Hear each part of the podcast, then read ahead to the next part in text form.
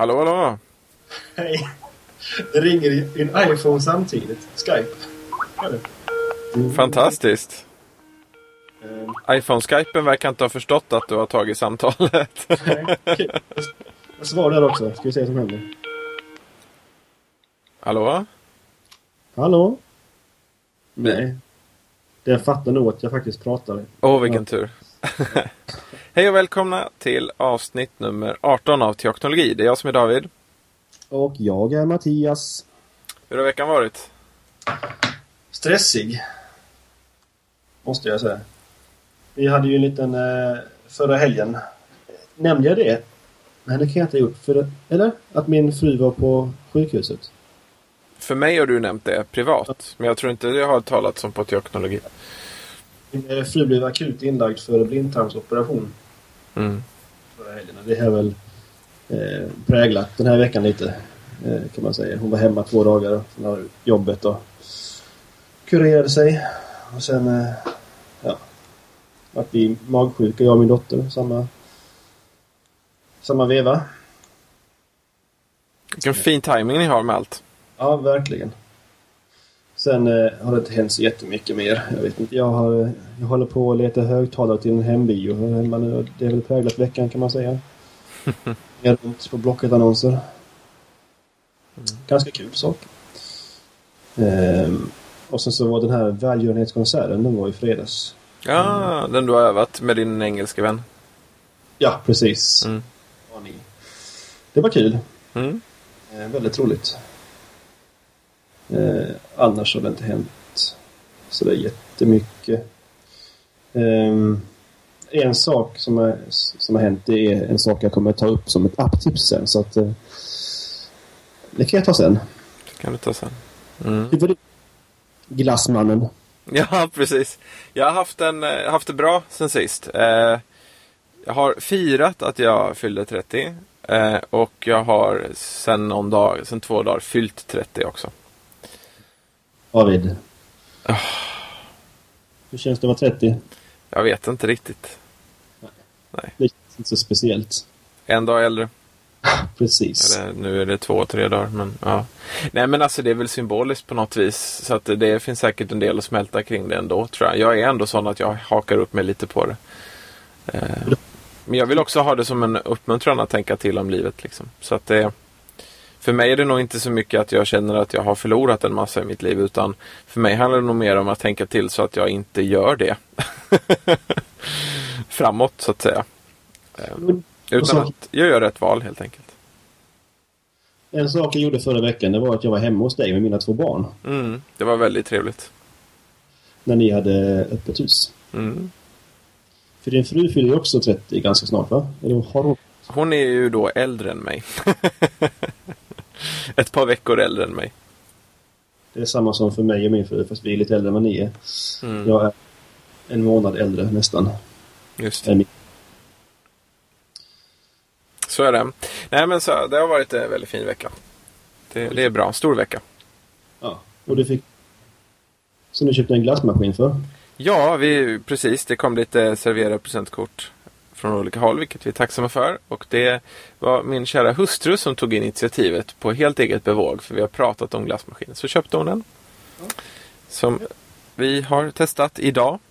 Mm. Så jag har ätit glass idag. Hela dagen? Hela dagen. och som jag skrev på Twitter tidigare här, det är därför du är inne på det här. Eh, så har jag ätit eh, lite för mycket glass. och sen åt jag lite till nu på kvällen. Och när jag, ja jag måste ju berätta det då eftersom det står i min tweet då. Eh, och när jag då ska tvätta ur lite glass ur skägget, det kan ju fastna där. Eh, så vänder jag huvudet på sned och ska göra det under kranen i köket och doppar då mitt nu ganska långa hår i en smutsig bebis eh, skål. Så, så då var cirkeln sluten på något vis. Perils of family life. ja men det är ju för att jag inte heller tänker på att mitt hår är ganska långt nu. Alltså jag, jag kan ju ha, gjort- så där kan jag ju ha gjort tidigare och det har ju inte varit något problem. Nu är det rätt mycket hår så. Jag kompenserar ju för alla som är som du. Ja, jag skulle precis säga det. Det är det jag har. Ja. Nej men så är det. Okej. Eh, har vi någon länk eller något sånt att prata om kanske? Absolut. Jag har tre länkar och två apptips. Sen kanske jag kommer på något mer också. Eh, första länken är en artikel till Smashing Magazine. Eh, och den heter Symptoms of Epidemic Web Design Trends. Och om du är intresserad av, av webbdesign och eh, vilka trender som finns idag så är det en, eh, en, en rolig artikel att läsa. Eh, och om du hänger med lite eh, i vad som är inne eh, och har varit inne de senaste fem åren kanske så kommer du definitivt att dra på smilbanden. Eh, andra länken det är till en eh, artikel på SVDs kulturavdelning. Eh, det är en artikel som heter Dåren i Kristus, en postmodern helighet. Och den handlar om hur eh, sökandet efter Gud har eh, blivit en, en del av eh, Eh, ska man säga, en, det postmoderna uppvaknandet i, i Ryssland. Ehm, helt klart värt en genomläsning. Eh, och min sista det är eh, en länk till Daring Firewall. Eh, som eh, ehm, Ja, det är en av många artiklar som har skrivits om det här. Eh, inte bara på Daring Fireball, men eh, i Apple-bloggosfären. Japp. Eh, har det visat sig att eh, en av huvudkällorna till eh, tillstånden på eh, Foxconn har faktiskt fabulerat ihop det han har sagt. I alla fall stora delar av det. Han heter Mike Daisy. Och han har haft en typ en, en show kan man säga. Där han har um, vad är den heter? Uh, någonting med Steve Jobs va? Ja, det, det vet jag inte tyvärr. Uh, the Agony and the Ecstasy of Steve Jobs heter den. Uh, och han har då framfört den här som jag fattade på This American Life, en amerikansk poddsändning. Och det har varit det populäraste avsnitt de har haft. Mm. Och nu har det visat sig då att han faktiskt ljudit ihop två delar av det här eh, föredraget eller föreställningen. Eh, en del frågor. Eh, både kring rapporteringen eh, som andra har gjort Eh, men det som är riktigt, riktigt, riktigt, riktigt, riktigt, riktigt tråkigt med det här det är att eh, det gör att andra företag som inte har tagit det ansvar som Apple har tagit de senaste eh, ja, månaderna är att det här kanske kan ses som ett sätt för dem att komma undan Mm. vad som eh, de borde. För att det givetvis var fabulerat. Det är tråkigt. Ja, det är trist. Eh, sen apptips. Mm. Eh, jag sa ju att vi, jag hade ett apptips som hade med vecka att göra. Och det är så här att vi har fortfarande problem med vår bil. Det var inte det jag trodde det var. Eh, så då har jag då försökt felsöka det här och då behöver man ju en felkodsläsare. Och de är ganska dyra. Om det inte är så att det finns en iPhone-app som man kan koppla till bilen för att eh, läsa av felkoder. Fantastiskt. Yes. Man köper en liten dongel eh, på Ebay eller motsvarande som man kopplar till eh, bilens OBD-uttag. Alltså eh, diagnostikuttaget. Och den versionen som jag nu har fått låna av en, av en eh, kompis, den kostar typ 500 kronor så det är ingenting, ingenting dyrt.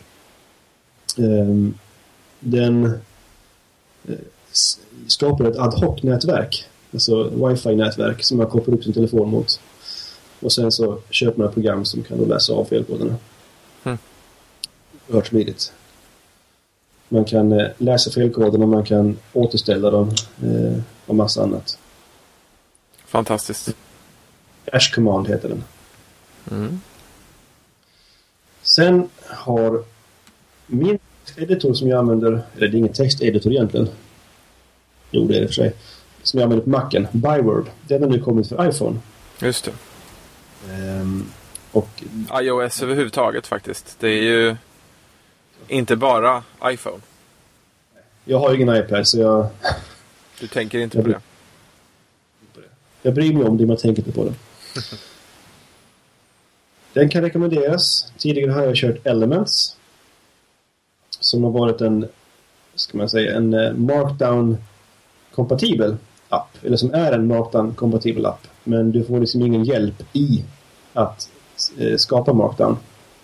Däremot i Byword eh, för iOS så får du det. Man får en liten, liten bar ovanför tangentbordet med snabbkommandon för, för ehm, alltså markdown-kommandon. Mycket smidigt. Det Mm. kostar väl är det 22 spänn tror jag. Något sånt. Ja, det är det. Det är en sån där mellan, mellanpris tycker jag för att vara en sån där app. Det är alltså inte så dyrt. Helt klart värt. Sen var det nog inget mer. Jag har ett läsktips också nu när jag sitter här och dricker läsk här i mitt kontor. Det är så här att det finns ett, eh, ett litet eh, läskbryggeri, eller ett bryggeri som heter Vasa. Eh, Vasabryggeriet. Och de har... Eh, ska bara hälla upp här så alla hör. De de brygger gamla klassiska svenska läsker. Till exempel R10 blodapelsin. Som jag nu dricker. Den är väldigt god. Och Loranga har de. Barndomsminnen. Ja, det är det ju verkligen. Loranga minns jag var väldigt gott. Fortfarande god. Mm. Så. Har du någon... Ja, det är det enda jag har. Jag har tre länkar. Eh, och en av de länkarna är liksom mer gemensam för oss båda kan man väl säga. Eh, så den tänker jag bara introducera. Och sen tänkte jag, du har en länk till en artikel om den också. Det kan du få berätta om. Eh, det är en fantastisk app tycker jag. En mail-app för iPhone. Eh, som heter Sparrow. De har ju funnits sedan en tid eh, för Macen. Eh, med, och det liknar om man har kört Twitter för Mac. Eh, Lite så, fast mailklient liksom. Eh, och jag tycker Sparrow Mail-appen påminner lite om som en kombination av en Twitter-klient och Facebook-appen. Liksom. Ja. Eh, som en, och, och i braighet som en riktigt bra Twitter-klient. Facebook-appen är, är, är ju okej. liksom. Så tycker jag. Eh, den är jättebra helt enkelt. Den kan koppla upp sig mot Gmail och massa andra sådana tjänster. Eh, och eh, den har ett väldigt trevligt gränssnitt. Den är väldigt trevlig att använda och enkel och snygg och smidig och sådär. Så jag föredrar den framför den mailapp som följer med. Trots att man inte får de här påminnelserna om mail. Så stänger man av sin vanliga mailapp helt liksom, i inställningar då så att kontot är inaktiverat. Då får man inga påminnelser om nya mail alls till telefonen. Eh, det kan vara bra att veta om det. Ville du säga lite om Sparrow också? Alltså, det första jag tänkte på när jag startade appen det var Åh! WebOS. Tyckte det påminner jättemycket om, om appar jag har sett. Alltså som... Eh, alltså själva WebOS-apparna. Alltså, operativsystemet. Mm. Eh, med eh, de här... Alltså, det är tre nivåer kan man säga har, appen. Det är konton, eh, mailboxar och sen den valda mailboxen. Kan man säga. Och det är tre fönster som ligger lite på varandra. Eh, så man kan swipa fram och tillbaka mellan de här tre nivåerna. Mycket, mycket snyggt och effektivt. Japp. Och det är framförallt det ordet som, som jag skulle använda för att beskriva Sparrow för iOS, det är att det är, eller för iPhone, det är att det är så grymt effektivt. Det går så fort att, eh, att gå igenom eh, sin, sin inbox. jag har för första gången på hur länge som helst i princip Inbox Zero. Mm. Det är bara för att det är fort att arkivera och eh, svara på. Och det är kul. Mm. Det är kul att göra e-post med, med Sparrow. Jag håller med. Det är en trevlig app att använda och sånt, sånt spelar otroligt stor roll. Ja, jag vill kolla e-posten mm. med den. Det spelar liksom ingen roll för mig egentligen att den inte har push-notifikationer. Eh, för jag har ändå stängt av det. Jag vill inte ha det. Eh, jag vill kolla e-post när, eh, när jag vill kolla e-post, inte när telefonen vill. Mm. Nu har jag i och för sig push-notifikationer på typ allt annat. Nu talar vi lite emot mig själv där men... Post. I e-post finns ju ofta arbete, liksom potentiellt arbete för mig. Mm. Själv väljer när jag ska eh, sätta mig ner och arbeta med e-post. Just det. Twitter till exempel. Eller Facebook. Så ofta. Ja, Mm. Facebook kanske är det. Och då är inte jag så att... Ehm, Sant. Mm. Nästa apptips eh, är ett som jag har som heter OneShares. Det är en app där man kan eh, formulera eller klistra in ett eh, budskap, till exempel ett hemligt budskap. Så som ett lösenord eller en kod eller något annat. Eller ja, bara något som man inte vill att folk eh, ska se och spara hur som helst. Och framförallt inte ska, ska, ska liksom fara igenom eh, telefonnätverken okrypterat. Ehm, så då har man sitt budskap, man knappar in det där i telefonen, sparar det, får en länk. Den här länken kan man sedan skicka till någon. Så då kan man smsa den länken i sin iPhone till en annan iPhone eller smartphone eller mejla den eller så. Och sen blir det helt enkelt så att den, den som då klickar på den här länken liksom, får upp den en gång. Mm. Eh, Så kan man då läsa det, den information som står där och om man vill kopiera den. Men man kan eh, inte trycka på reload, på, så, eh, ladda om på, på sidan till exempel. Eller stänga den och komma tillbaka. För, för sen är den, den länken funkar bara en gång. Och sen är budskapet borta, borttaget. Liksom. Det är ett sätt att eh, kommunicera ett snäpp säkrare i alla fall. Mm. Så det, det håller ju så länge man litar på de som driver OneShares. Så. Är det gratis? Sju spänn tror jag det kostar. Då kan man lita på dem. Jo, precis. De tjänar ju pengar på det på det sättet. Yes, det var det. Eh, sen har jag en sista app. Det är inte en telefonapp utan det är till macken. Eh, och det, heter, det är en av de klassikerna inom området. Den heter Quicksilver. Och det är, eh, man, man trycker en, ett kort kommando på tangentbordet så hoppar det upp en liten ruta. Var man än är, vilket program man än har uppe, så hoppar det här upp över. Och så kan man skriva in till exempel början på ett programnamn och så föreslår den eh, programmen på datorn, apparna på datorn och så trycker man pil upp, pil ner eller med musen och så enter för det man vill starta. Eh, och det där lär sig hur man gör det där så att om man liksom eh, vill starta iTunes väldigt ofta till exempel. Eh, då kanske, då lär, lär ju den här sig det att redan när du trycker på i så föreslår den iTunes först efter ett tag. För det är den du... Ja, eller iPhoto eller vad det alltså så, Det är ju det du startar oftast som den kommer att föreslå. Liksom. Ehm, och det gör ju att det går ännu snabbare så att du kan till slut förutsäga så du vet det. Liksom. Så då behöver du inte ens tänka längre utan du bara slår, slår genvägen, trycker på bokstaven eller på de två bokstäverna du vill ha, trycker enter. Och du har knappt hunnit se på skärmen att det ens dök upp något. Liksom.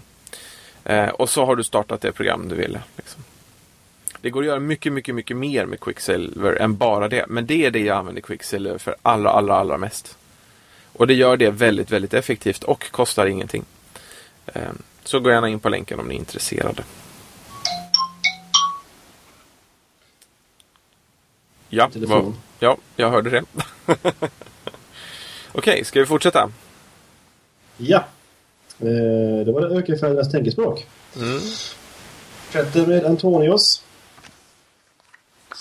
Ska vi se vad han säger. Nu är det Antonios den, och så är det fjärde eh, avsnittet. Nej, femte. Antonios sa Den som inte har blivit frestad kan inte komma in i himmelriket. Ta bort frestelserna så kommer ingen att bli frälst. Hm. Ja. Stämmer det? Det är väl lite sådär tillfället att synda gör en till en syndare. Eller ja, jag vet inte. Syndare kan vi inte bli frälsta. Nej. Nej, men om du inte har ens har ett val. Det är väl på något vis det som det handlar om. att Om du inte har valet att göra det onda, har du ens gjort det goda då? Ja, är det är med en marionett. Mm. Eller något själlöst.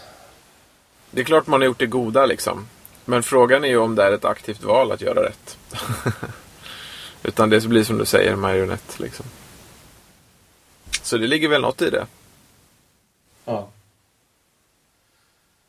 Den som inte har blivit frälst, eller frestad, kan inte komma in i himmelriket. Nej, det, det är klart. Alltså, upptäcker vi inte att vi inte är alltigenom goda människor så finns det ingen anledning för oss att, att drivas till Kristus. Mm. Synden Kristus. Och det är väl precis, det är väl så det, det leder någonstans med, med, med ett sånt tankespråk. Därför att jag tänker att han tänkte nog också att alla blir frestade. Så det är inte en Just. fråga om att bli det eller inte. Liksom. Det är inte det det Nej. handlar om. Utan frågan handlar just om insikten hos oss själva om det. Liksom. Och hur vi betraktar det. Han gör inget dogmatiskt påstående utan ett själavårdande kan man säga. Ja, det kan man säga. Ja, det var intressant. Veckans ämne. Mm. Ja, du bryter upp lite ibland. Så det får vi ha viss hänsyn till. Ehm, ämnet är personlig mognad på arbetsplatsen. Det har du mycket erfarenhet av, eller? Ja, jag är otroligt mogen. Jag är ju 30 år.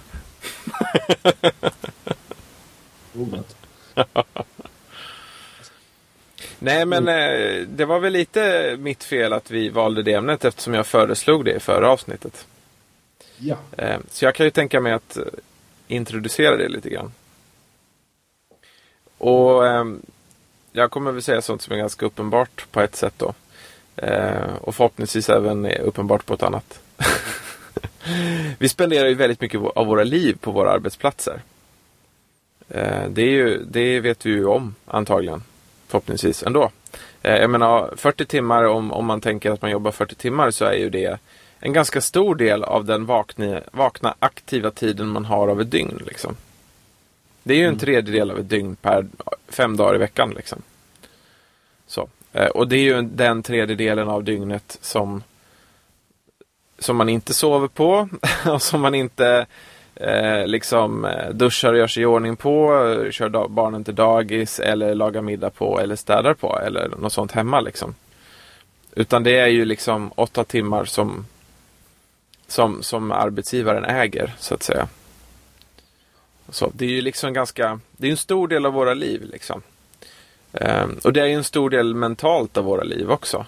Mycket av våra liv handlar ju om våra arbeten eller, och, och för den som är arbetslös så handlar ju mycket om livet att man inte har ett arbete. Mycket kretsar ju kring arbete. Och, och just platsen, när man då har ett arbete så, så blir det ju mycket runt det. Det blir det sociala, det blir det professionella och allt det här hänger ju ihop väldigt mycket med vartannat. Liksom. Eh, och eh, Därför så tänkte jag knyta tillbaka lite grann till det här med också med gruppprocessen i det på något vis. I, i, det, i det här också. Alltså att vi befinner oss ju hela tiden i gruppprocesser med andra människor. Eh, och, och på arbetsplatsen gör vi ju det i allra högsta grad. Liksom, med andra personer. Oavsett om vi har en ledarroll och kanske vill tänka på en gruppfas. Eh, ha ett gruppfastänk eh, utifrån det eller om man är med som, som medlem i en grupp liksom, så, så är man ju det. Och påverkas av den dynamik som finns liksom, på arbetsplatsen. Om den är om det är en positiv miljö eller inte. Om man har en tendens att eh, söka vägar att samarbeta på ett effektivt sätt framför allt. Eller om man har mycket egna agendor. Eller, ja, alltså det finns ju många olika sådana saker som, som väldigt mycket påverkar ens, ens miljö. Liksom. Eh, och man själv är ju en ganska stor faktor i ens egen arbetsmiljö också.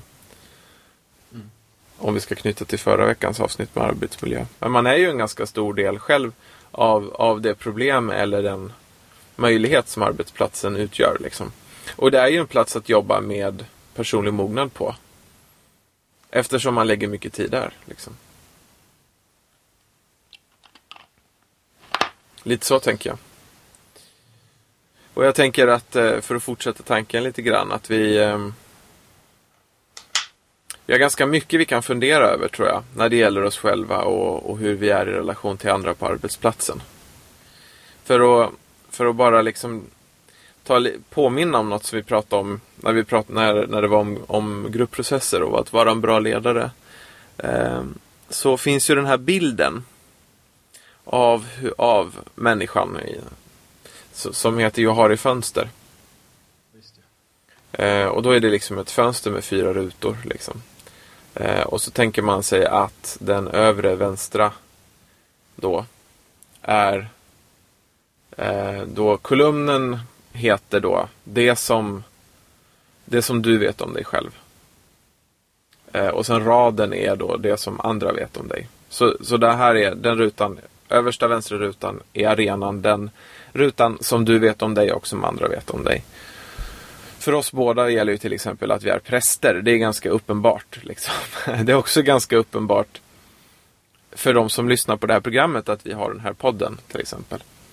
Det är sådana saker som vi alla är överens om att vi vet. Har man lyssnat på alla avsnitt av den här podden så har det framgått att både du och jag är gifta. Eh, att vi har barn. Visserligen olika många, men att vi har det. Eh, och att jag nyligen fyllde 30. och har en glassmaskin. Eh, det är sådana saker som, som jag vet om mig själv, du vet det om dig själv och ja, alla andra som deltar i det här också vet det om oss. Liksom. Det är arenan. Sen finns det ju sånt jag väljer att inte berätta här på podden. Eh, och sånt som jag inte ens berättar för dig Mattias när vi är ensamma. eh, och det är det som kallas för fasad. Det är det som ligger i samma kolumn fast under arenan. Det är, det är den rutan som är under arenan. Eh, som jag vet om om mig själv men som andra inte vet om om mig själv. Och det där skiftar ju förstås i olika grupper vilka de här andra personerna då är. Eh, och det är det som är fasaden och det är det jag vet men som jag då inte berättar. Och det kan ju vara sånt som jag har väldigt goda skäl att inte berätta. Helt enkelt att det inte angår andra eller det inte är intressant för andra eller det borde vara besvärande för oss alla om, om det sades. Liksom. Men det kan också vara sådana saker som jag håller tillbaka av rädsla eller av osäkerhet eller så som skulle kunna komma fram men som inte gör det. Liksom. Eh, sen har man nästa kolumn liksom, och det börjar uppifrån då så blir det då eh, kolumnen heter då det som du inte, det som man inte vet om sig själv. Och den övre där då blir då den raden som är vad andra vet om en själv. Mm. Alltså, det är det som kallas för den blinda det blinda fältet då. Det är det som du inte vet om dig själv men som andra vet om dig. Och det där är, är, är ett fält som man som eh, person. Jag vet när jag fick det där introducerat för mig. Jag har sett Jag har i fönster förut. Men när jag gick den här kursen i höstas och, och fick det introducerat igen så var min, min direkta reaktion var ju bara oh vad obehagligt.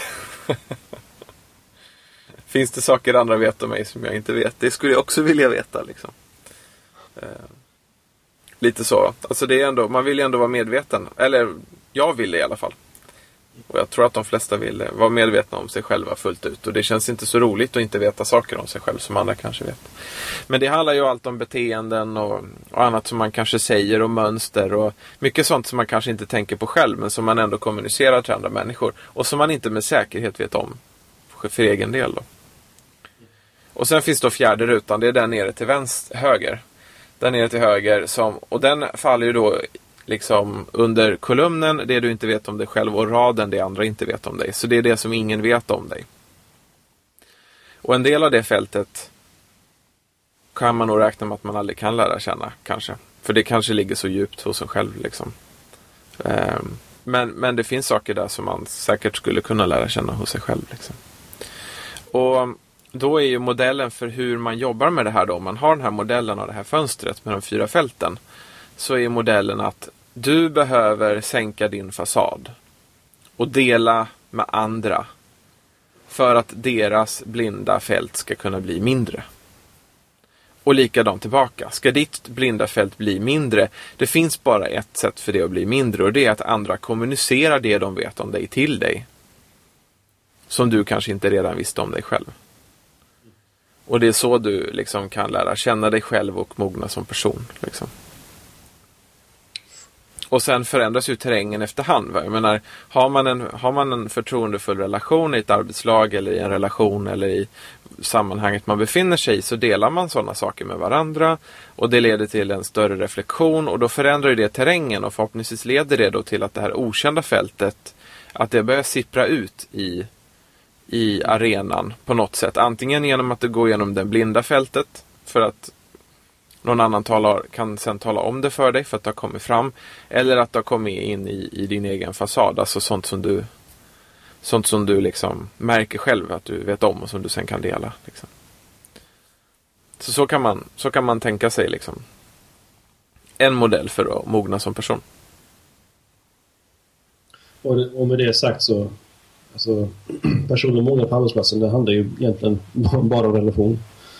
Eh, till, till stor del i alla fall. Alltså att, att, att våga um, um, jag vet inte vad jag går med det här. Men... Att våga dela eller? Alltså, att, att, våga vara öppen med med att det kan finnas sånt om mig själv som jag inte vet. Mm. Eh, alltså att eh, visa att man är medveten om att det finns saker med mig som jag liksom inte själv vet om. Mm. Som irriterande.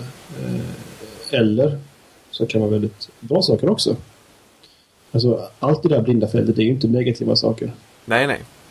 Eh, men i och med att det är en sån där dold del av våra liv både den blinda fläcken och det som andra vet om mig som jag inte vet så, så blir vi rädda för det. Mm. Um, vi är rädda för det okända. Men det är liksom om man är öppen med att man vet om att det finns saker som jag inte vet om om mig själv. Ehm, så är det, liksom, det är en bra grogrund för att få ska kunna våga säga till mig det jag inte vet om mig själv. Mm. Det är det och det handlar ju om att det blir att det finns ett förtroende också. Att man att bygga en relation där det blir okej okay att säga saker till varandra. Liksom. Ja. För om, inte, om, jag, om jag inte känner att om, jag, om vi jobbar ihop och så känner jag liksom att ja, det är någonting du gör som, som är ett problem. Liksom. Om jag då inte upplever att du är en person som är intresserad av sånt. Alltså att få veta om det är så att du har gjort någonting som inte var helt optimalt. Liksom. Utan jag, jag, upplever istället att du är någon som kör över väldigt mycket och bara kör på. Eh, och inte är intresserad av att ta in vad andra har att säga. Liksom. Då blir det ju väldigt svårt att framföra det där. Och risken är ju att när det väl framförs, för i alla fall med mig så är det så att det där kommer ju sägas någon gång. jag håller ju inte käften om jag ska säga verkligheten om mig själv. Utan det kommer jag ju dela. Då kanske det inte blir lika trevligt. Eh, och likadant åt andra hållet. Va? Alltså finns inte förtroendet liksom så, så kan jag inte förvänta mig att få höra det på ett trevligt sätt. Eller för den delen kanske ens höra det alls. Och det är väl det som är det allra värsta. Och det, alltså det handlar ju i grund och botten om att, att inte vara arrogant. Nej, visst. Är du arrogant så, så mognar du inte. Mm. Arrogans det är som säger den onda cirkeln i, eh, i personlighetsutveckling. Det är att inte våga, vilja, kunna se sig själv för det man verkligen är. Mm. Eh,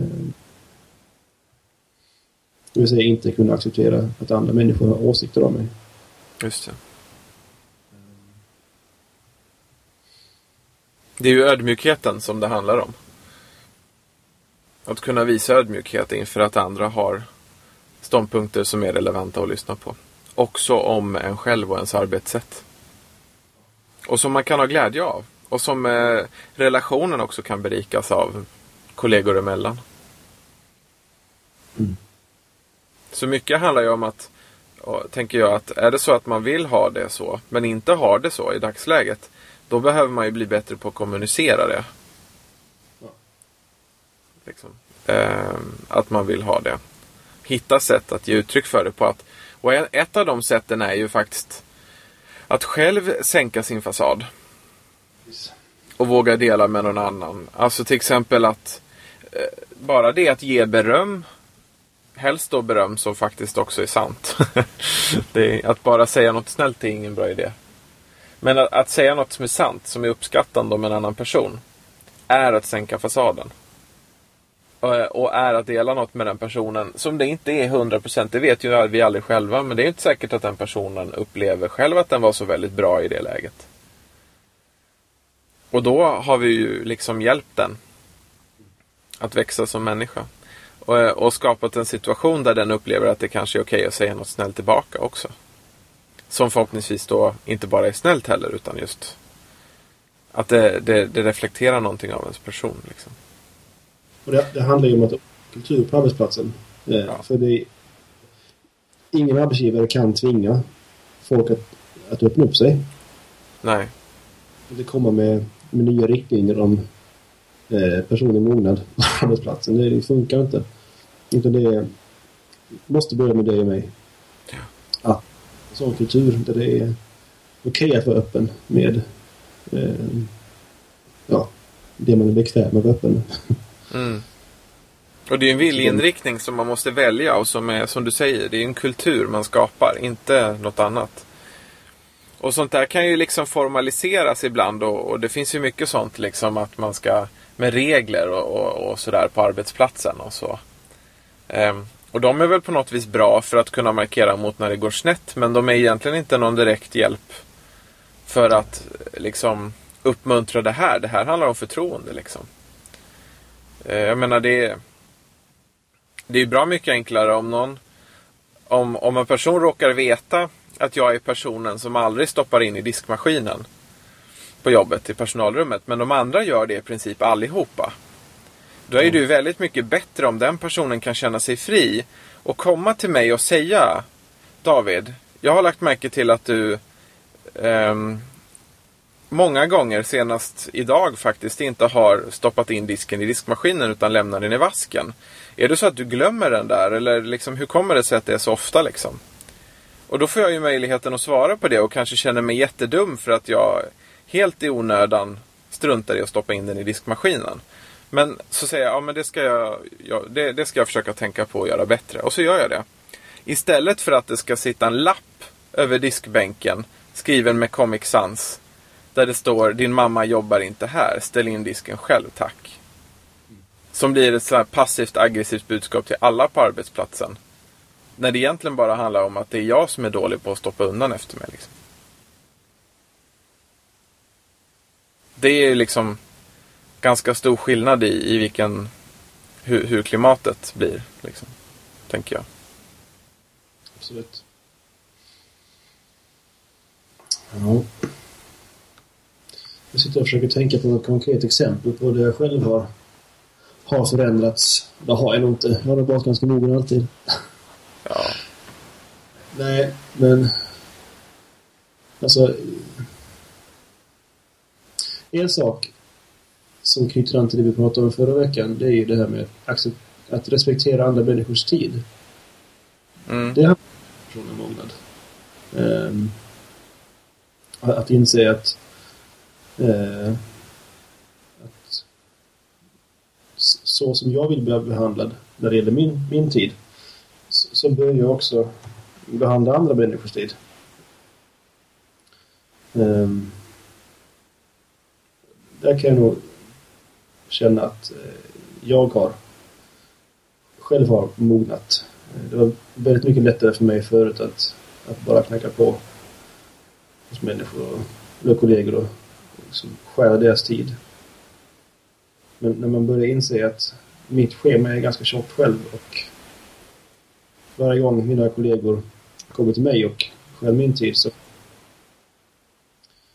um, är det ju ett tecken på att och jag tycker det är otrevligt så är det ett, tecken på att det finns en kultur av det på arbetsplatsen. Att det är okej. Okay. Um, att, störa varandra. Mm. Så, så, även det är ju en, en, en kulturfråga. Och egentligen tror jag att det mesta på arbetsplatsen handlar om det. Mm. Att skapa kulturer. Eller vanor, eller vad man ska säga. Yep. Sätt att vara. Och där knyter det samman som du var inne på nu. Den, alltså individens vanor och sätt att vara knyts ihop med det större som ingår i kulturen på arbetsplatsen. Precis. Och där har man ju som, eh, om man har någon form av ledarfunktion så har man ju en otrolig inverkan på de man leder genom det exempel man själv sätter. Men eh, man har ju också som deltagare i de olika funktioner man har otroligt mycket att påverka med. Jag menar, blir man en person som man inte kan...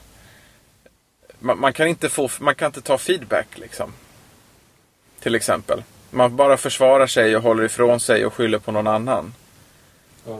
Så, så är, blir ju det en person som kan bidra oproportionerligt mycket med dålig, dålig kultur till arbetsplatsen. Liksom. Mot att det bara är en person av, av eh, tio eller något. Ja, för alltså... Det är liksom en... Allt hänger ihop. Alltså om... Om en människa är jobbig på arbetsplatsen så blir det ofta så att det talas om den personen bland kollegor. Eh, man ondgör sig över kollegans dåliga vanor och, och sådär. Mm. Det är inte heller bra. Nej. Alltså det, det är aldrig bra att skapa en kultur där det är okej att prata skit om människor bakom ryggen på dem. Nej, det är det inte. Så att... Eh... Och där har vi ju, vi har ju själva väldigt stora roller i sådana saker. Om vi är en person som, som, som är villiga att ta del av skita om andra. Liksom. Då har man ju okejat att det talas skit om en själv också. Tycker jag i alla fall. det är så. Alltså man måste ju tänka åt båda hållen när det gäller det där.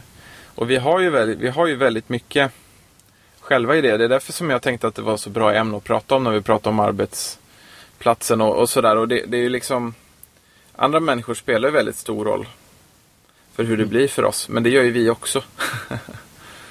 liksom. Och Det är en annan sak jag har tänkt på liksom, utifrån mig själv och utifrån andra människor som jag känner och, och sånt jag har läst och sådär. Och det är ju också att det är ju, det är ju lätt att se det är inte så svårt att hitta problem på en arbetsplats. Jag menar, även bra arbetsplatser har ju problem av olika slag. Sen vill man ju hålla dem så få som möjligt, såklart. Ehm, och det är ju ganska lätt kanske, beroende på vad man är för typ av person också, eh, att man kan ju gå in olika mycket i det där. Och det är lätt att lägga det på andra, liksom. Mm. Och inte se komplexiteten i situationen som oftast finns. Liksom. Alltså det är inte så att att problemen alltid är så väldigt lätta att lösa. Liksom, för då skulle de redan varit lösta. Utan det kan vara personliga relationer eller det kan vara arbetssätt som sitter djupt, som har funnits länge. Ehm, det kan finnas många saker som samverkar i organisationen för att det ska bli sämre än vad det behöver vara egentligen. Och, och sådär. Ehm, och, ehm, och det är inte alltid det bästa sättet att, att hjälpa till att lösa det på är att ställa till med ett bråk om det. Alltså att, att liksom tala högt om det och, och göra en stor sak av det. Liksom. Det är väl på något sätt där arbetsgivarens eh, fotnedsättande roll, alltså det med regler och sådär som, som är en dålig, ett dåligt sätt att skapa kultur. Eller god kultur, det är regler. Men när det handlar om konflikter, eh, där kommer ju arbetsgivarens eh, alltså auktoritet på något sätt. Mm. Eh, positivt sätt tycker jag. Absolut. Eh, eh, för att sätta stopp för eh, konflikter som, sånt som håller på att bli konflikter. Och sånt som redan är det. Mm. Genom att det finns rutiner för hur vi, hur vi um, alltså, försöker reda ut vad som hänt och sådär. Ja men precis. Och det finns också olika forum för olika saker. Liksom.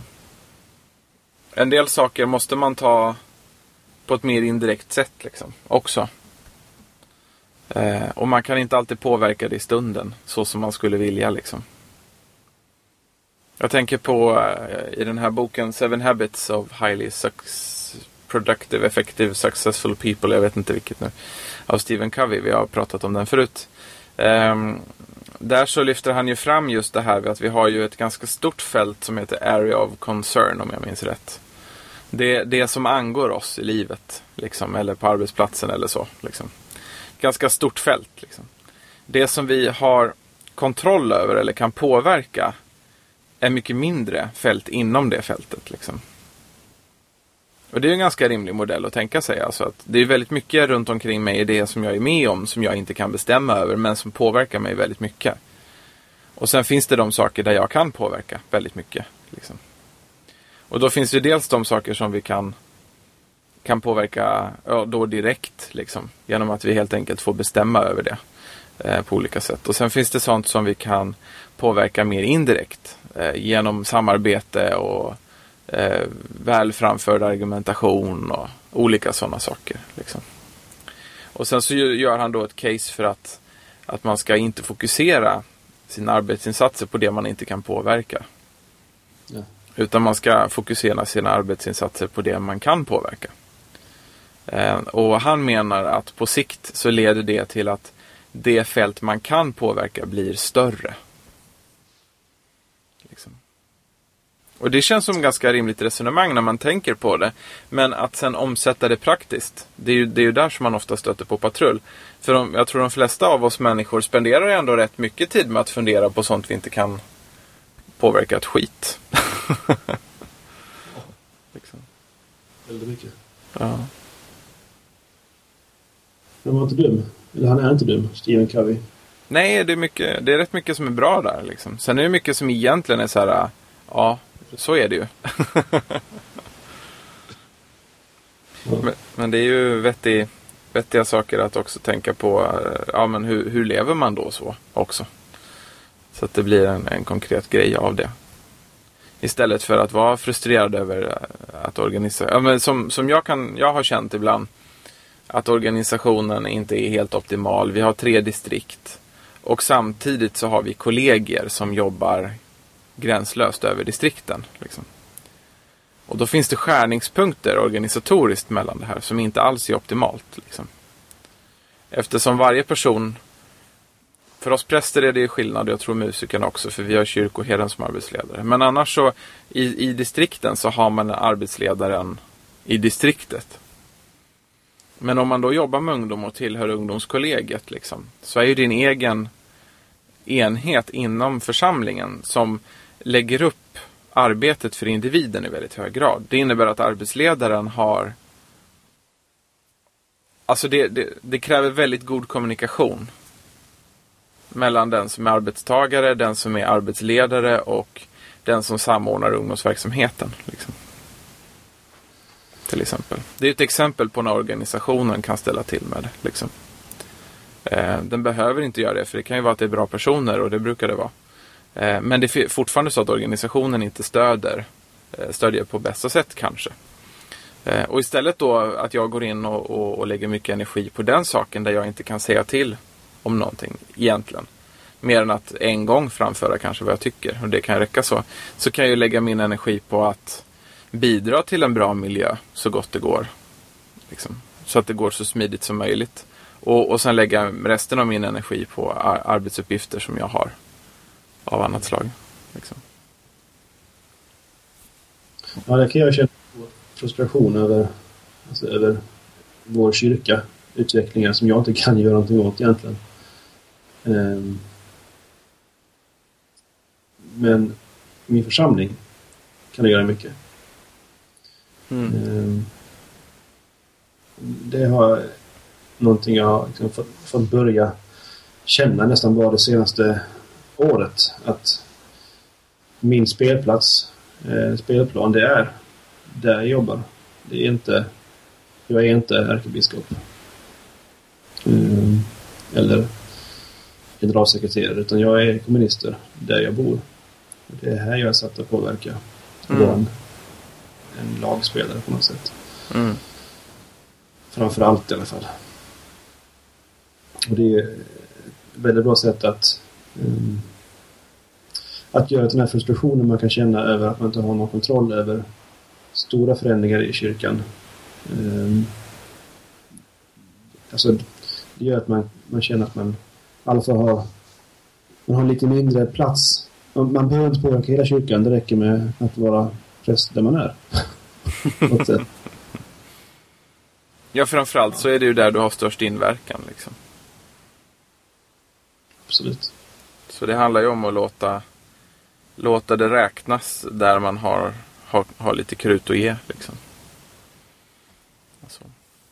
Och där tänker jag inte bara med ansträngningarna just att åstadkomma saker utan också när det gäller ens egen mognad. Liksom. Att man har rätt mycket krut att ge när det gäller ens egen mognad om man bara vill. Att, att jobba just på att, att relationsmässigt vara en person som jag menar, det är ganska uppenbara saker, men att vara en person som är konsekvent, som man, som man kan lita på gör det den ska, som, som håller det den säger och som är liksom vänlig och omtänksam och man, som man uppfattar är en person som det går att lita på till exempel. Och att man är uppmuntrande och, och, och ärlig. Att man, man, man liksom kan lyfta positiva saker med andra människor. Men man kan också ibland lyfta saker som, som, är, som, som är utvecklingsområden. Liksom. Alltså sånt som är, är negativt liksom, som, som man behöver tänka på. Och sådär. Att bygg, bygger man det där så får man ju Då bygger man ju på förtroendefulla relationer. Liksom, som leder till att man själv får mogna som människa. Både i sin egen ansträngning att agera på ett bra sätt. Men också genom att andra ger tillbaka. Och det blir liksom konstruktivt dubbelt upp då. Så, så tänker nog jag om och mognad på arbetsplatsen. Liksom. Och utifrån mig själv också. I det sammanhanget. Det är liksom vad jag vill och jag, för mig har det blivit så. För jag det liksom personligt sådär. För mig har det blivit så otroligt. Det har landat så mycket med vikten av det här i och med att jag håller. Jag har varit med och hållit och gör i väldigt hög grad församlingens ledarutbildning. Och då blir det så intressant just det där när man ska, då ska lära ut ledarskap till andra. Liksom. Så blir frågan om hur man själv gör väldigt relevant. Eh, är man själv villig att, att göra det man säger åt andra att göra? Liksom? Eh, om jag inte själv agerar på det sätt som jag vill att de ska agera så kommer det bli ganska svårt många gånger att få dem att göra det. Till exempel. Och det är en sån sak som är ganska stor. Alltså det är ju ganska mycket att jobba på känner jag för min egen del. För jag är ju verkligen inte... Bara för att jag håller i den utbildningen betyder inte det att jag kan allt. Liksom. Och då blir det väldigt viktigt att kommunicera det också. Och försöka hålla det transparent och, och, och sådär. Det, det har gett mig mycket att tänka på helt enkelt. Mm. Och också då Alltså är det något jag tar med mig i andra relationer på arbetsplatsen också. Liksom. Där, där jag kanske inte är ledaren framförallt alla gånger. Utan som, som medarbetare. Liksom. Hur, hur bidrar jag till det större sammanhanget? Och hur, hur skulle jag vilja, om jag var ledare, hur skulle jag vilja att det funkar? Liksom. Med inställning och sådär. hos medarbetare. Och själv ha den inställningen då också. Att helt enkelt vara en konstruktiv person. Ja. ja. Det är väldigt lätt att... Alltså att, att, att skapa en positiv kultur på arbetsplatsen är väldigt... Alltså det är väldigt svårt. Men tyvärr är det väldigt lätt att skapa en negativ kultur. Um, jag tror att vi, vi människor är på något sätt disponerade att skapa dålig kultur. Um, tyvärr. Um. Men det är väl för att de goda sakerna kräver ju ansträngning. Precis. Och självkännedom. Ja. Och det det är, inte alltid, alltså, det är inte alltid lätt att lära känna sig själv. Eller, eller kul. Och då, då är ju... Alltså, chansen att vi vill göra någonting, den ökar ju om det vi då ska göra är någonting som är, är lätt och kul mm. underhållande. Mm. Men det är inte alltid lätt, kul och underhållande att, att uh, varken lära känna sig själv eller andra människor eller att skapa en positiv kultur. Nej. Så på något sätt handlar det om att eh, också att ge varandra enkla medel för att, alltså det, man kan applicera 80-20-regeln här på något sätt att eh, att hitta enkla sätt att nå upp väldigt fort till eh, liksom en, en godtagbar nivå för hur vi är tillsammans. Mm. Då, då kanske framförallt vara en, en sån människa själv. Som man vill att andra ska vara. Ja men precis, ha en vettig inställning och ge människor en chans liksom. Jag tänkte också på, det var en person som berättade för mig hur han eh, i ett läge fick läsa en, en del personers rapporter. Och mm. skulle ge feedback på dem. Och betyg. Um, och då bestämde han sig för att han skulle, hur dåliga de än var, så skulle han ändå alltid hitta tre sanna saker som var bra. Om varje rapport liksom. Förutom de tre sakerna som var kritik liksom. Eller så. Och det var en väldigt, berättade han, var en väldigt intressant övning att göra. Att liksom att ja, men bestämma sig för det. Att inte bara hitta de sakerna som det var fel på och som var dåliga. Liksom. Och ibland kunde det ju vara riktigt, riktigt kassa grejer också. Utan att då också faktiskt ta sig tiden och hitta tre saker som är, som är bra. Liksom. Och kanske börja med det. Ja, precis. Ja.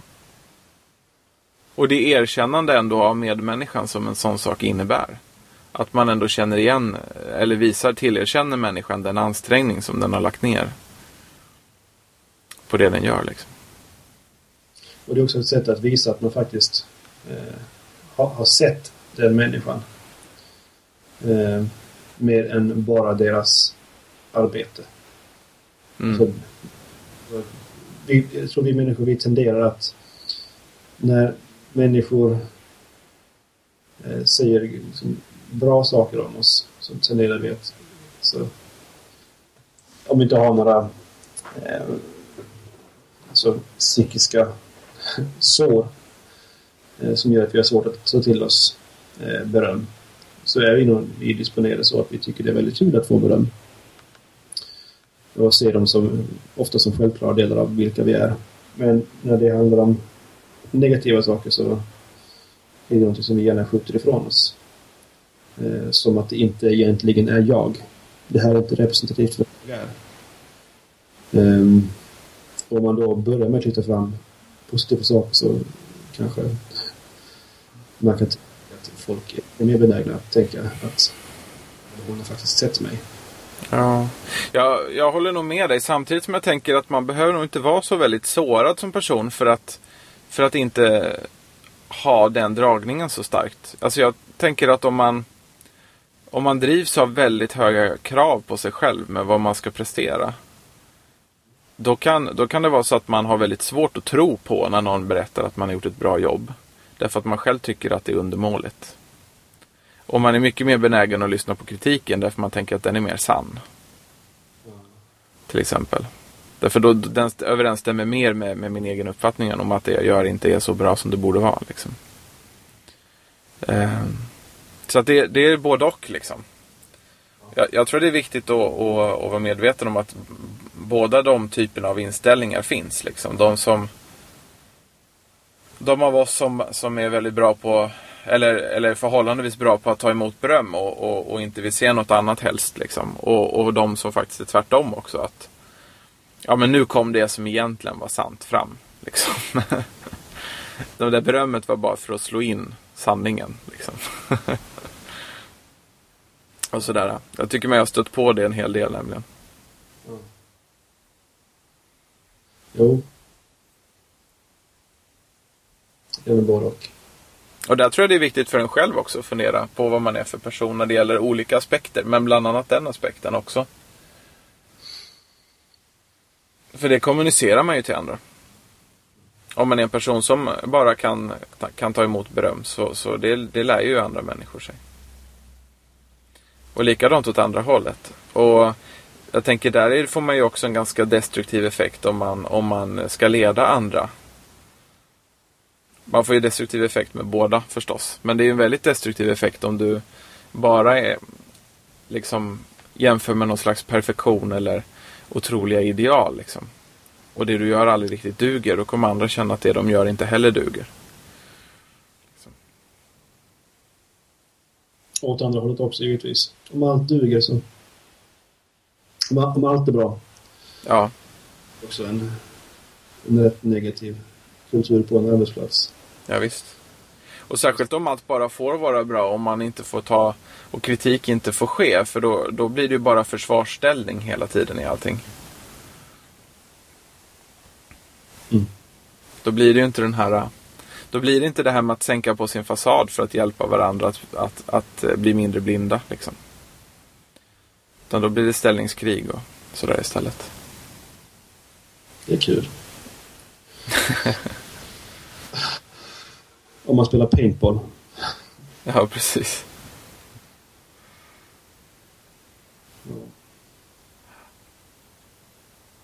Jag tror vi får avrunda här. Ja, det tror jag också. Det är ganska lagom. Vi har pratat en timme. Nästa vecka kommer vi prata om e-post. Ja. Och om det är så att ni har någon speciell fråga som ni vill eh, att vi ska prata om eller svara på eller om ni har några synpunkter på eh, alltså, kring e-post överhuvudtaget. Egna åsikter, ja. Så är det bara att höra av sig till att teoknologi på Twitter. Eh, eller till e-postadressen reagera att teoknologi.se Eller så går ni in på hemsidan och trycker på reagera-fliken. Mm. Bra så, bra så till nästa vecka. Simma lugnt. Simma lugnt, hej då.